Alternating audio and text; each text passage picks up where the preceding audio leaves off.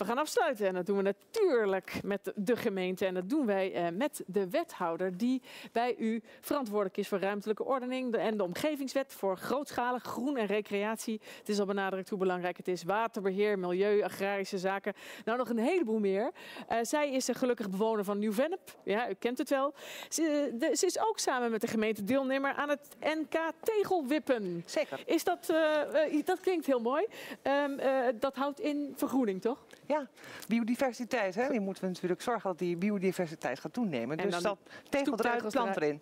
Dat is, dat is heel leuk. En ik, ik, hoop dat jullie winnen. Ze houdt zich bezig met tiny forests en speelplaatsen en biodiversiteit. En volgens mij, als ik Twitter bestudeer, uh, bent u fan van Pieter Omtzigt. Ja, wie niet? Ja, ja. dat is zeker. Dat, daar zit een grond van waarheid in. Ja. Waarom? Um, ik denk omdat hij zich zo vastbijt ja. in, de, in de onderwerpen die hij van belang vindt, die hij wil adresseren, die hij wil oplossen.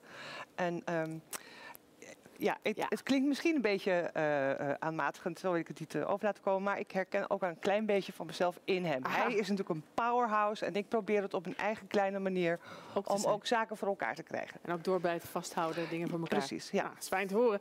Um, een eerste reactie, om, om te beginnen op de lezing van Muriel Arts. Wilt u dat geven? Het collectief leiderschap. Ja, het collectief ja. leiderschap. Uh, ja, dat spreekt me enorm aan. En ik was ook uh, heel erg onder de indruk. Uh, Dank je wel voor je voordracht over dat collectief leiderschap. En natuurlijk ook over het ja, de ondernemerschap natuurlijk, hè, om dat ja. op een maatschappelijke manier te doen. Mm -hmm. um, als ik even mag kijken naar de gemeente Haarlemmermeer, want daar zijn we tenslotte ook. Zeker. Als je dan kijkt naar collectief leiderschap, dan kan ik wel vertellen, uh, geloof ik dat uh, als college en als gemeenteraad wij ook dat collectief leiderschap hebben getoond. En hoe hebben we dat gedaan? Mm -hmm. Dat hebben we gedaan door de regie te pakken op de vestiging van datacenters. Zoals u weet zijn er eindeloos veel vergunningen uh, of datacenters die zich graag willen vestigen in de gemeente Haarlemmermeer. En dat kan niet zonder beleid. Mm. Want we hebben schaarse ruimte. En die schaarse ruimte hebben we ook nodig voor de mensen, zodat ze kunnen bewegen. Dat ze zich kunnen bewegen in het ja, groen. Nogal. En toen hebben we gezegd, oké, okay, eerst beleid. Hoe gaan we daarmee om? En vervolgens mogen, we, uh, mogen jullie komen. En dat beleid hebben we, en dan ga ik naar mevrouw Aarts, in samenspraak gedaan met allerlei mensen die een belang hebben om daar iets moois van te maken. Dat is er nu gekomen. Ja. Dan wil ik even doorpakken als het mag. Ja, tuurlijk. Ja? Dan pak ik even door uh, naar maatschappelijk ondernemen. En want ik wil namelijk ook, en dat is de volgende stap, ook deze datacenters, deze initiatiefnemers prikkelen om eens te kijken naar hun omgeving. Mm. Strek je hand uit naar de omgeving. Kijk, waar is nou dat gezamenlijke belang? Creëer je draagvlak voor die verdozing, want die verdozing komt er toch wel. En als je nou wil zorgen... Verdozing. Ja, ja precies. Dus mm. als je wil zorgen dat mensen daar beter mee om kunnen gaan, steek je hand uit en vraag aan de gemeenschap, wat kunnen wij samen bereiken? En dan heb ik het over hele simpele dingen. Sponsoring van bijvoorbeeld sportclubs. Hmm. Dat kan makkelijk. Misschien aanleggen in Park, Park 21 voor, of voor meer groen. Dus ook voor de gemeenschap. Dat is ook een manier om ervoor dat te zorgen dat je vaak lichter maken. Precies. Beter. Ja, precies. Ah. Nou, ik wil dit even verknopen. Ja, wat, wat, wat, voor, uh, wat voor rol kunt u daar als wethouder in spelen? Welke invloed is mogelijk? Die nou, samenhang tussen alles. Nou ja, die samenhang heb ik net geschetst. Ja, en ik, heb zelf, ik heb zelf het initiatief genomen om te stoppen met die vergunningen tijdelijk om ervoor te zorgen dat er een, een beleid kwam. Mm -hmm. uh, en dus een, een, een aantrekkelijk vestigingsklimaat. Maar tegelijkertijd op zo'n manier dat die dozen landschappelijk worden ingepast. Dat het gezond is voor de mensen. Toename van de biodiversiteit in de omgeving. Zuinig omgaan met de energie. Dus eigenlijk een win-win voor allemaal. En dat is natuurlijk ook uh, iets van uh, maatschappelijk ondernemen. Hè? De win-win voor ons allemaal. Ja, precies. Maar als wethouder kan daadkracht dus wel wat in gang zetten. Begrijp ja, zeker. Ja, ja, zeker. Ja. Even over het gedachtegoed van Machtel Huber, hè, de. Gefeliciteerd. Wat doet, ja, wat doet, Haarlem, ja, wat doet Haarlemmermeer uh, daarmee? Nou, wij kennen mevrouw Huber al heel erg lang. Ja.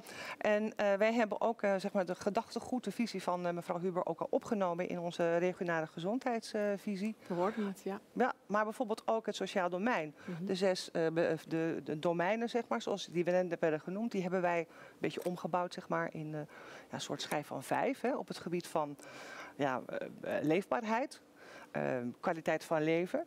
Dus dat zit al verwezen in, onze, in, onze, in ons beleid. Ja. En verder hebben we in 2019 een nieuwe sportvisie vastgesteld.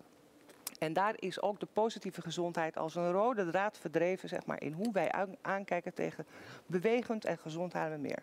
Ja, er moet zoveel mogelijk eh, bewogen worden, hoe dan Precies, ook. hè. precies, en, precies. En, en hoe kan eh, de fysieke leefomgeving daaraan bijdragen? Aan dat welzijn en, en, en dat bewegen bijvoorbeeld? Nou, als ik het dan even terug, want de fysieke omgeving is natuurlijk een heel groot Heel begrip. groot. Ja. En zelf ga ik dan over het grootschalig groen. En als je dan kijkt naar de verstedelijking en de infrastructuur en toename van bedrijventerreinen, wordt het tijd dat er grootschalig groen wordt geplant.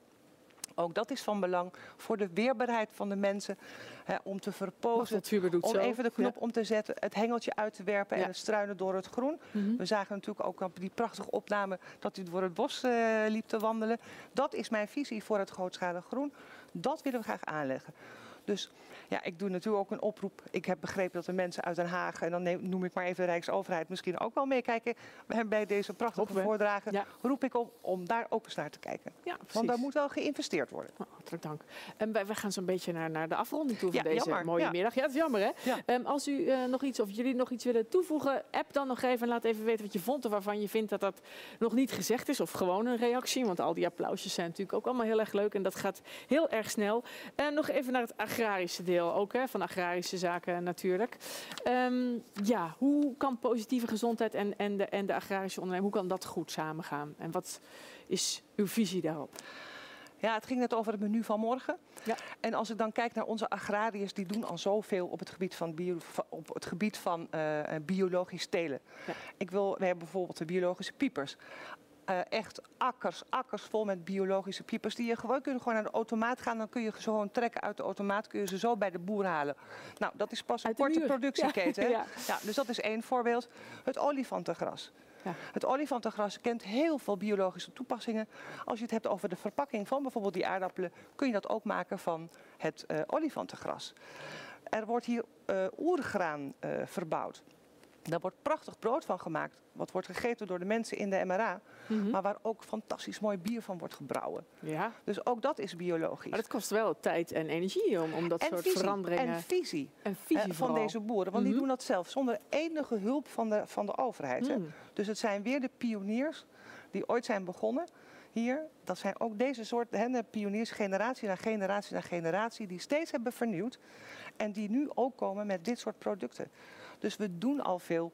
Er kan veel meer. Er is geen tegenzin en weerstand in soms? Of ook? Nee, er zijn natuurlijk altijd mensen die zeggen, zoals ik het nu doe, zoals mijn vader graag. het deed, Ja. zo vind ik het ook goed. En Mhm. dat is een goed recht. Ja.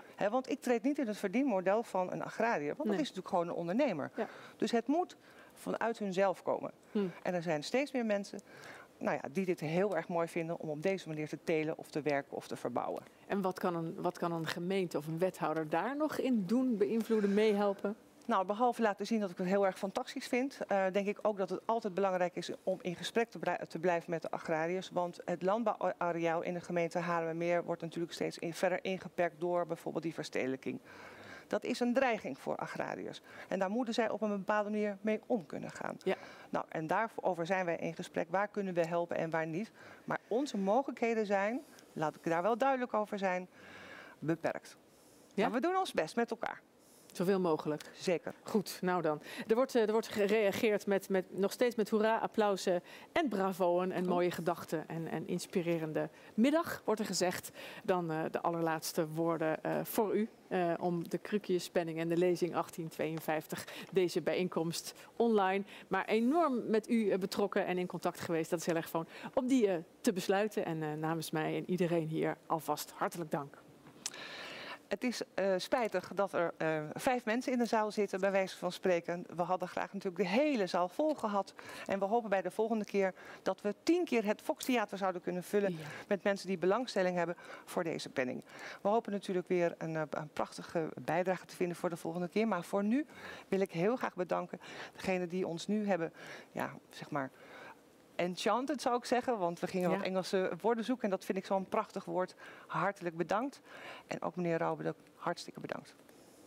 Betoverd, dat is een mooi slotwoord. Betoverd, ja, dat had ik Betoverd. moeten zeggen. Ja, En Chant, het betovert allemaal hetzelfde. precies. Ja. Hartelijk dank en u hartelijk dank.